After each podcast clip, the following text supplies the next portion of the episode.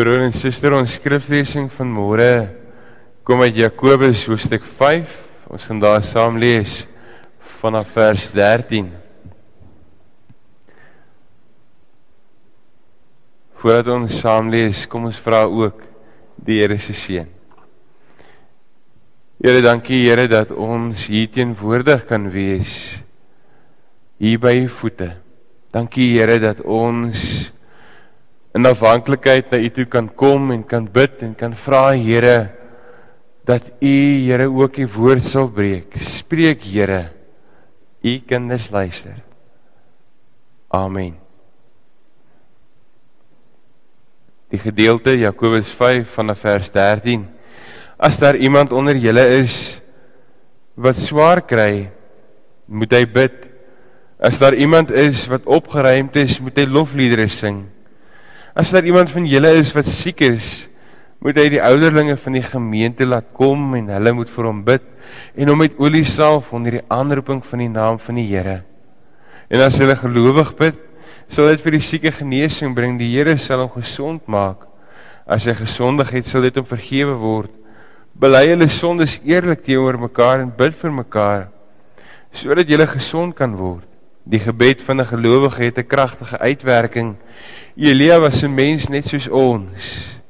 Hy het ernstig gebid dat dit nie moet reën nie en in die land het dit 3 jaar en 6 maande lank nie gereën nie. Toe het hy weer gebid en die hemel het die reën gegee en die aarde het sy oes gelewer.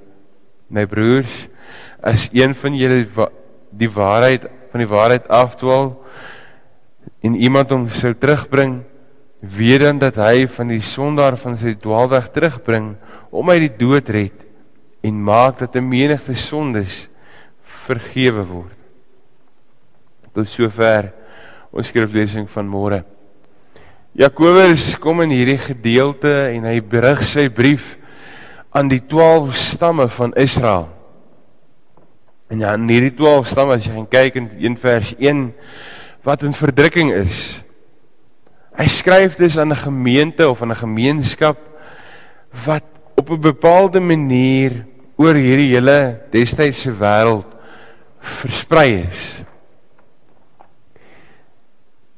Hierdie destydse mense was in konflik onderling, maar ook op 'n manier deur die mense wat naby hulle geleef het, wat rondom hulle geleef het, het hulle regtig konflik aan ervaar deur as gevolg van hulle geloof en op 'n manier was dit maar deel van die samelewing van daardie tyd dat as jy 'n Christen was dan was jy en is jy op 'n manier vervolg. En in hierdie brief kom Jakobus en hy help hierdie gemeente of hierdie gemeentes wat oor die wêreld versprei is om op 'n manier koers te vind om op 'n manier gepas op te tree in die tyd waarin hulle leef.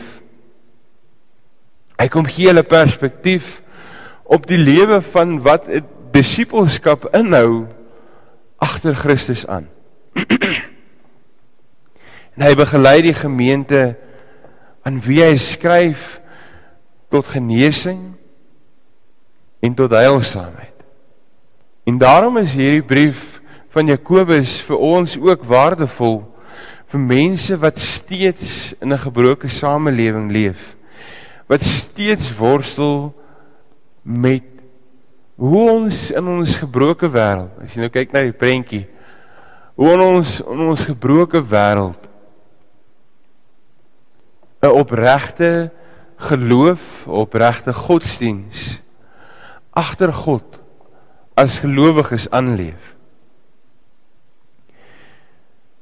As ons kyk na Jakobus se brief, dan sê word daar gesê dat Jakobus as te ware 'n spieël kom voorhou vir ons as mens, vir ons as gelowiges, vir die lesers, waarin ons op 'n manier onsself kan herken.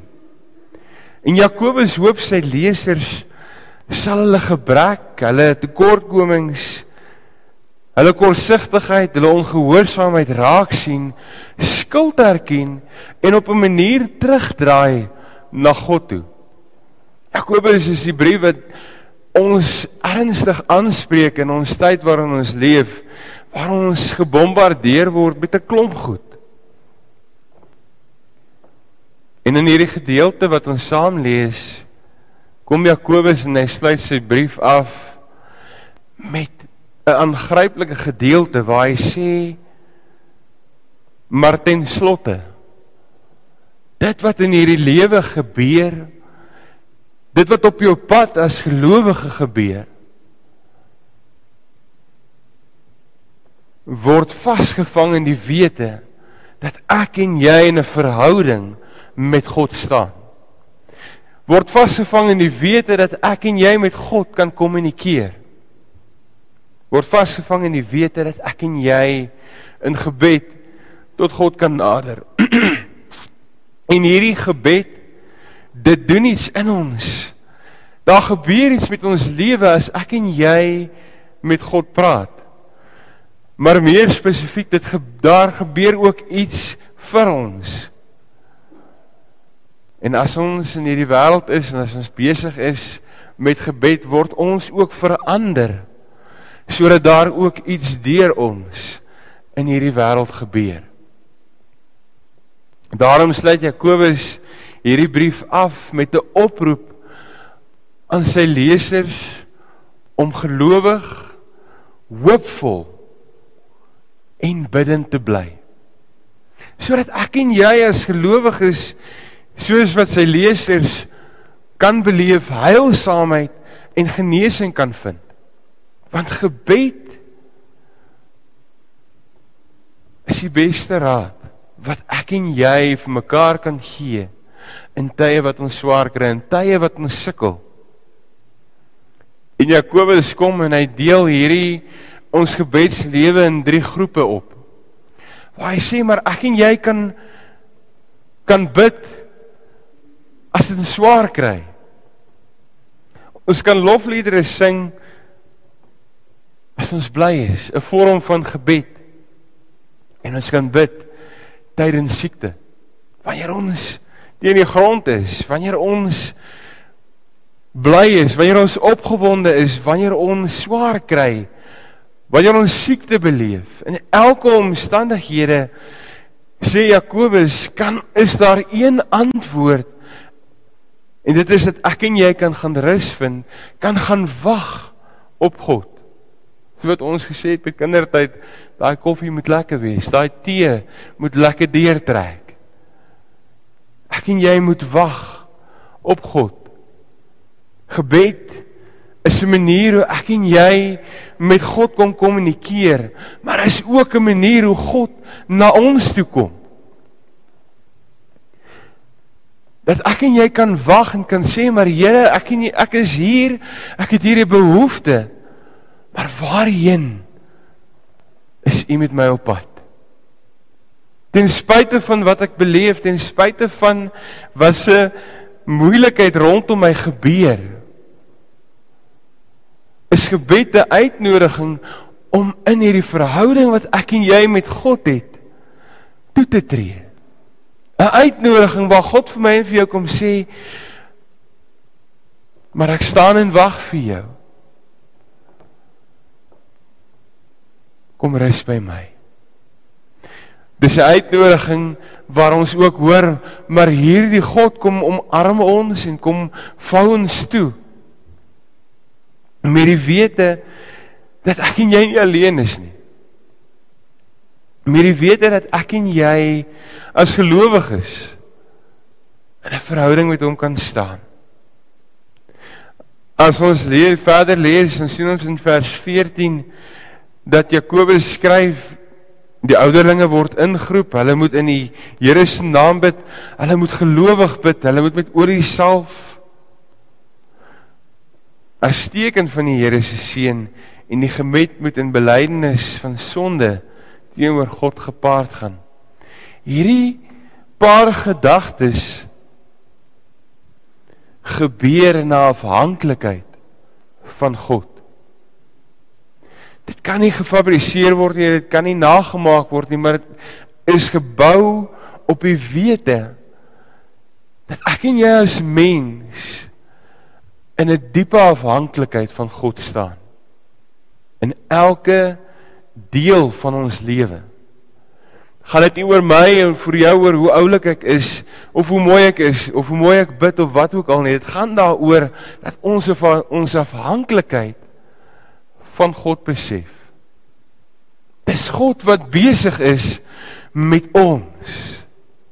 Dis God wat na ons toe draai, dis God wat ons kom omvorm, ons kom verander.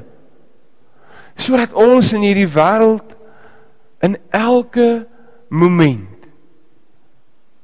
vir hom kan dank.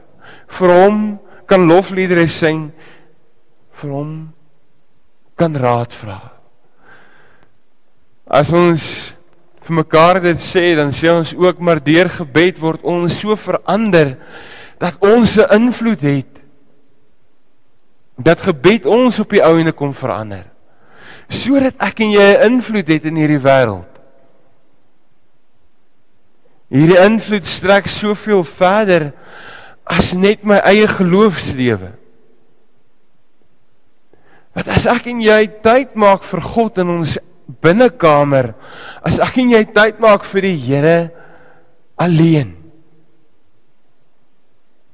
dan gebeur daar iets met jy, my en met jou in hierdie ontmoeting wat ons met God het en dit spoel oor na ons verhoudings met ons huweliksmaats, dit spoel oor na ons verhoudings met ons kollegas. Dit vir ons spoel oor na die verhoudings met ons werkers. Want God kom is die sentrum, is die fondasie van dit wat ek glo.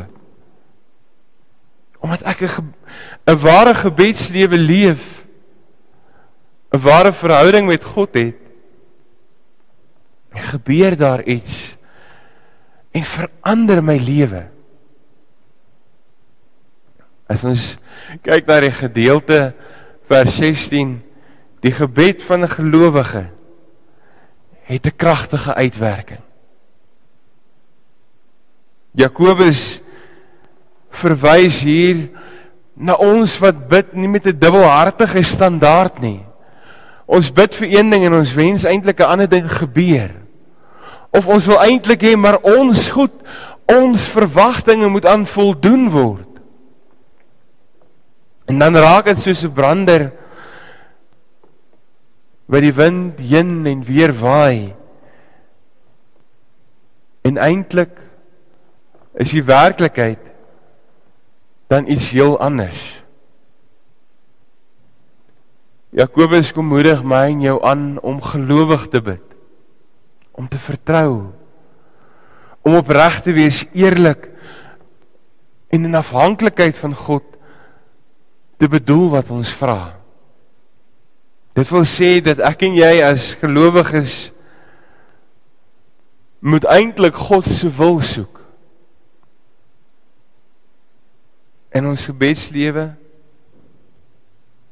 Ons moenie iets anders te najag nie. Ons is so geneig om ons eie egos, ons eie aan ons eie verwagtinge te wil voldoen dat ons eintlik sê maar Here, ek het hierdie beloof, hierdie behoeftes voorsien aan dit en dan sal ek u volg. Waar ons eintlik anderste dis wat die Bybel ons leer, eintlik in afhanklikheid van God moet sê, Here, ek sien af van my eie behoeftes. Ek sit dit op sy. Ek tel my kruis op en ek volg u. Want ek weet u het die beste vir my in gedagte. Jakobus verwys in sy afsluiting van hierdie Jakobusbrief na Elia. Elia is 'n voorbeeld van gebedsverhoring. Persoon wat gelowig kom bid en God wat hierdie kragtige dade deur hom doen. Dit gaan nie oor dit wat Elia doen nie, dit gaan oor dit wat God doen. En Jakobus kom wys hoe ernstig en met geduld Elia volhard. Dieselfde Elia wat net na hierdie gebeurtenis terugval en vra my Here, waarom? Hoekom? Hoe hoekom moet ek nou ewe skielik so te nagekom word? Hoekom moet hierdie goed ewe skielik gebeur? Selfs die Elia kom gebruik Jakobus as 'n voorbeeld omdat dit oor God gaan. Gebed bly 'n soeke na God se wil. Dis ek en jy wat eintlik voor God kom staan en sê Here, ons het hierdie behoeftes. Maar waarheen is U met my op pad? Dis 'n verwagting om te sê, maar Here, ten spyte van alles, kom kom stel ek my vertroue, my diepste verwagtinge, my grootste onsekerheid. Kom stel ek in die wete dat U die beste vir my in gedagte het. Jakobus kom in hierdie gedeelte en as ons deur die Jakobusbrief werk, dan sien ons dat Jakobus sy brief afsluit met die opeenstelling van eienskappe van die Here as 'n motivering waarom ons as gelowiges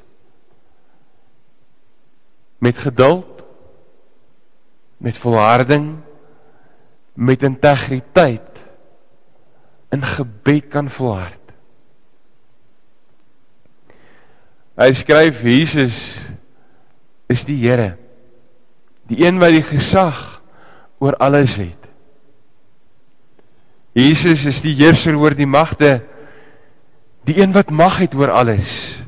Jesus is die een wat weer kom wat my en jou geduld sal beloon wat ons sy genade kom gee. Hy's die regter.